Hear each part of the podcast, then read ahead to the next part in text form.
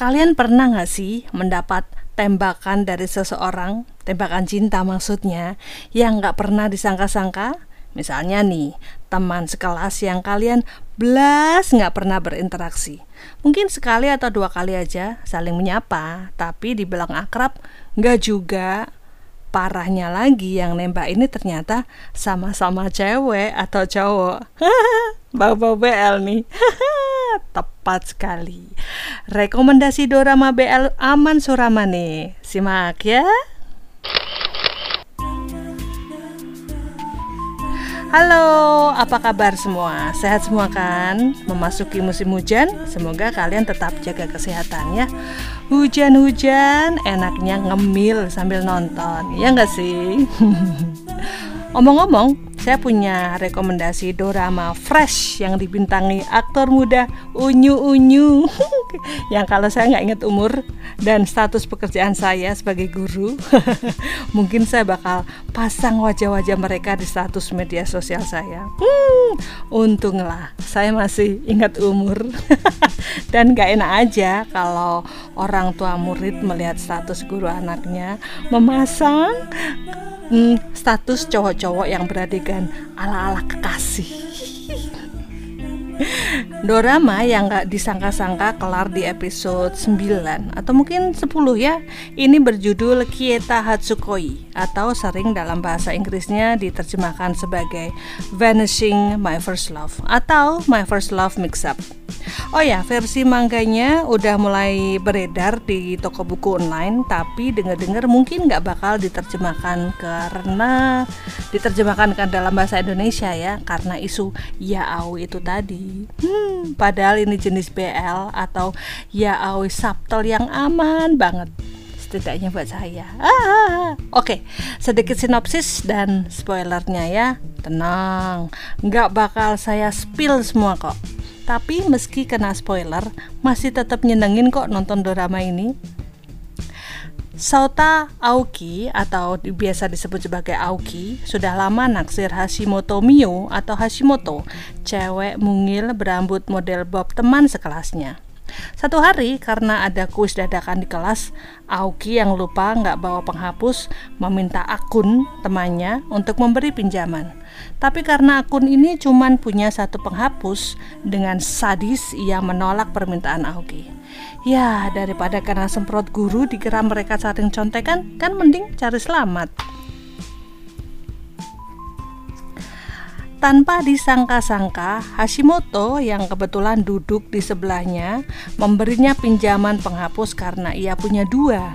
Dengan berbunga-bunga karena yang ngasih pinjaman cewek yang ia taksir, Aoki menerima pinjaman dari Hashimoto. Nggak salah dia naksir cewek imut yang baik hati ini Tapi di penghapus yang separuh badannya itu masih tertutup pembungkus Ada tulisan Ida Kun dan emot hati. Eh, siapa si Ida Kun ini ya? Nah, Ida ini kebetulan cowok yang duduk tepat di depan Aoki. Dia ini model cowok tenang, nggak banyak tingkah dan tentu saja pinter. Jadi Hashimoto naksir Ida. Ah, patah hati dong si Aoki. Kasihan banget ya, belum nanggi nembak sudah patah hati duluan. Ruwetnya perasaan Aoki ditambah dengan jatuhnya penghapus ketika Ida mengoper kertas ulangan ke dirinya. Aoki yang malang saat itu sedang terlungkup gak sadar kalau penghapus yang ada nama Ida dan emot hati itu jatuh dan dipungut oleh Ida. Bagaimana reaksi Ida yang melihat penghapus yang ada namanya dan emot hati itu? Bingung setengah mati dong. Masa sih Aoki, cowok yang selama ini duduk di belakangnya, menaruh hati padanya. Ah, mereka kan sama-sama cowok. Usai sekolah, mereka bertemu di atap sekolah untuk membahas tentang penghapus pembawa malapetaka itu. Ketika mereka saling bertemu, apa ya yang mereka katakan? Oh, ternyata mereka sama-sama bungkuk minta maaf. Khas Jepang banget ya. Tapi maaf yang disampaikan mereka berdua adalah maaf yang berbeda. Ida meminta maaf karena nggak bisa membalas perasaan Aoki padanya. Sementara Aoki meminta maaf untuk tidak menyebar rahasia tulisan di penghapus itu pada orang lain karena ia sudah kadung janji pada Hashimoto untuk tidak membocorkan rahasia siapa pemilik penghapus itu. Aoki juga meminta Ida untuk segera melupakan insiden itu. Tapi apa yang dikatakan Ida? Hmm, eh, emang kamu gak apa-apa? Gimana perasaanmu? Apa bisa kamu mengabaikan perasaanmu begitu saja? Uh, ternyata, oh ternyata Ida ini sudah sangat percaya bahwa Aoki ini naksir dirinya Tambah runyam ya Setelah kejadian penghapus itu, tanpa disadari hubungan mereka menjadi lebih dekat. Dari persiapan festival sekolah hingga belajar bersama, Aoki jadi lebih mengenal sosok Ida itu seperti apa. Ida yang selama ini berteman dengan teman-teman kecilnya yang bisa dibilang biasa-biasa saja, lurus gitu ya. Jadi takjub melihat tingkah laku Aoki yang ajaib. Tapi ya meski ajaib, dia itu terlihat tulus. Terus gimana dong hubungan Aoki dan Hashimoto yang ternyata naksir orang yang sama? Hmm, aman. Ada kesalahpahaman lain di atas salah pahamnya Ida dan Aoki. di website List drama ini diberi tag misunderstanding. Mungkin banyak juga ya drama lain yang memiliki plot utama tentang misunderstanding ini. Nah, bagaimana saya meyakinkan kalian yang mencari drama BL aman ada tuh satu pertanyaan di timeline Twitter saya yang menanyakan drama yaoi tanpa adegan ho ho ho. Dan kita Hatsukoi ini adalah salah satunya. So far, dari episode awal hingga episode 9 yang saya tonton, kontak fisik yang dilakukan main leadnya hanya sebatas elusan di kepala dan gandengan tangan. Oh, itu saja sudah bikin geger jagat penonton drama ini. Di website langganan saya nonton drama ini, komen bisa mencapai puluhan sampai ratusan hanya di satu episode saja. Bandingkan dengan drama lainnya yang rata-rata hanya kurang dari 20 komen. Bahkan yang paling populer saat ini yaitu Japan Sings itu hanya 3 sampai 5 komen. Waduh, itu pun kadang-kadang sebagai kalian menanyakan ke mana nih subtitlenya? Drama ini fokus pada perasaan dua main leadnya yaitu Aoki dan Ida Aoki yang sebelumnya nggak yakin akan perasaan dan merasa kurang nyaman dengan kenyataan bahwa ia memang suka pada Ida harus berusaha jujur pada diri sendiri. Sementara bagi Ida, curahan hati Aoki tak bisa ia tanggapi secara sambil lalu karena ia tahu perasaan seseorang itu sangat berharga bagi yang bersangkutan. Maka ia meminta waktu pada Aoki untuk mereka mengenal satu sama lain. Duh, sweet banget ya Ida ini. Awalnya ia memang merasa aneh dengan tembakan seseorang cowok pada dirinya, tapi ia sama sekali tidak memiliki praduga yang enggak-enggak pada Aoki perasaan sayang yang muncul secara tulus harus dijaga dengan baik-baik gak? Uh, tahu nggak sih yang jatuh cinta pada Ida nggak cuman Aoki semua penonton drama ini ikut meleleh pada Ida terutama elusannya pada kepala Aoki aduh perkembangan perasaan mereka berdua dari satu episode ke episode lainnya itu yang menjadi daya tarik drama ini. Jatuh cinta buat mereka berdua adalah pengalaman pertama.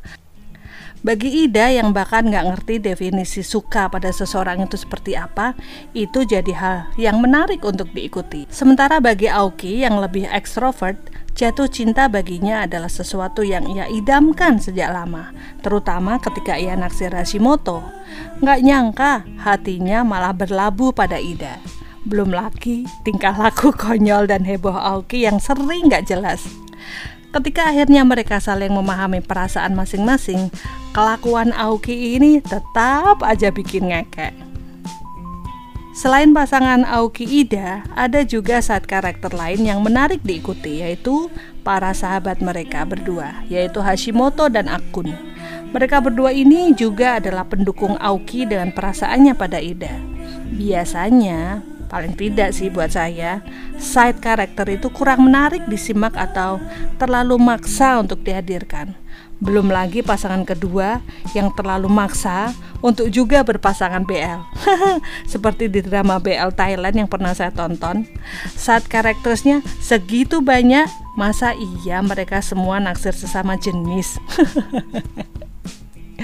Menonton drama ini berasa hiburan pelepas hormon stres yang menumpuk selama seminggu. Tapi nggak disangka setelah menonton rasa stres itu langsung datang lagi karena nggak sabar buat tunggu seminggu berikutnya. buat saya Hari Sabtu adalah hari yang ditunggu karena drama ini tayang setiap Sabtu pukul 11.30 secara lokal di Jepang. Spoilernya bisa didapat tengah malam atau subuh esok hari. Dan saya nggak keberatan tuh dapat spoiler begitu banyak di Twitter. Bahkan sering kali saya nyari spoilernya. Ketika saya kemudian hari nemu satu website yang update episode terbaru drama khusus genre yaoi, saya bahkan ngecek update terbarunya di jam 2 pagi. Ketika akhirnya tayang, meski tanpa teks, saya langsung nonton. Somehow, lihat gerak-gerik para karakternya gampang kok ditebak apa yang sedang terjadi.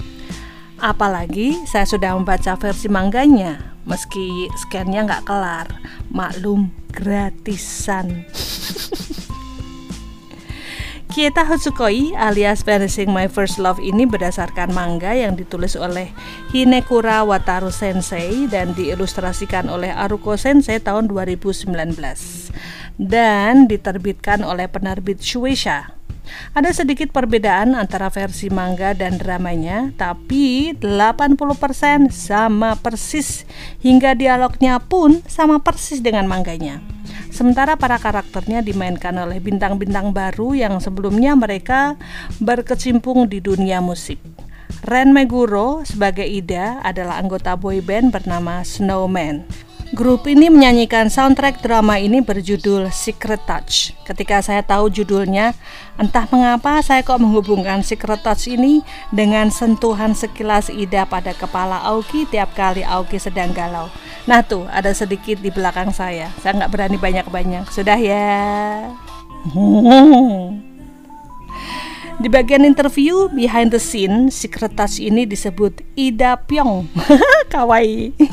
Belum begitu banyak drama atau film yang dibintangi oleh Ren Meguro yang akrab dipanggil Meme ini. Salah satu J-movie yang sedang saya tonton, tapi nggak kelar-kelar karena saking kerasnya berjudul Kyojo 2. Peran Aoki yang super lebay ini dipercayakan pada Michida Shunsuke wajahnya seperti karet yang bisa dia tarik ulur sedemikian rupa, mirip dengan karakter mangganya. Gesturnya ketika galau dan bahagia bisa beda 180 derajat. Berbeda dengan pemeran Ida, Michi, panggilan Michida ini sudah agak lebih banyak berkiprah di dunia akting. Saya sempat melihat klip drama yang ia bintangi berjudul Zetai Reido Sang atau Part 3 Perannya sebagai psikopat kalau nggak salah. Saya belum nonton sih, nggak nyangka Wajah imutnya bagus juga buat peran antagonis. oh ya, Michi ini juga tergabung di grup boyband bernama Naniwa Danshi dan juga menyanyikan soundtrack drama ini. Sementara untuk pemeran side karakternya yaitu Jin Suzuki sebagai Akun, sahabat Aoki, dan Fukumoto Riko sebagai Hashimoto. Jin Suzuki sudah banyak membintangi drama yang salah satunya BL juga. Adaptasi dari manga musikal Given. Ya ampun, perannya di situ beda jauh dari akun yang airhead banget.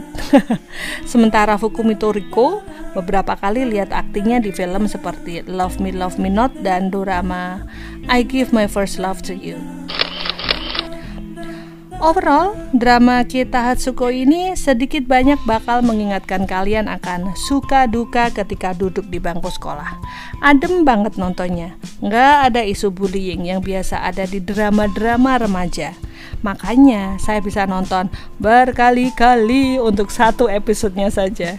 Dan tiap kali masih ngakak-ngakak juga. Parah ya. Thank you buat yang sudah dengerin. Oh ya, gosipnya drama ini bakal tayang di Netflix, tapi hingga sekarang belum ada jadwal tayang resminya. Pokoknya tunggu saja ya. Jaga diri kalian baik-baik. This is Lila Bercerita Podcast. See you when I see you.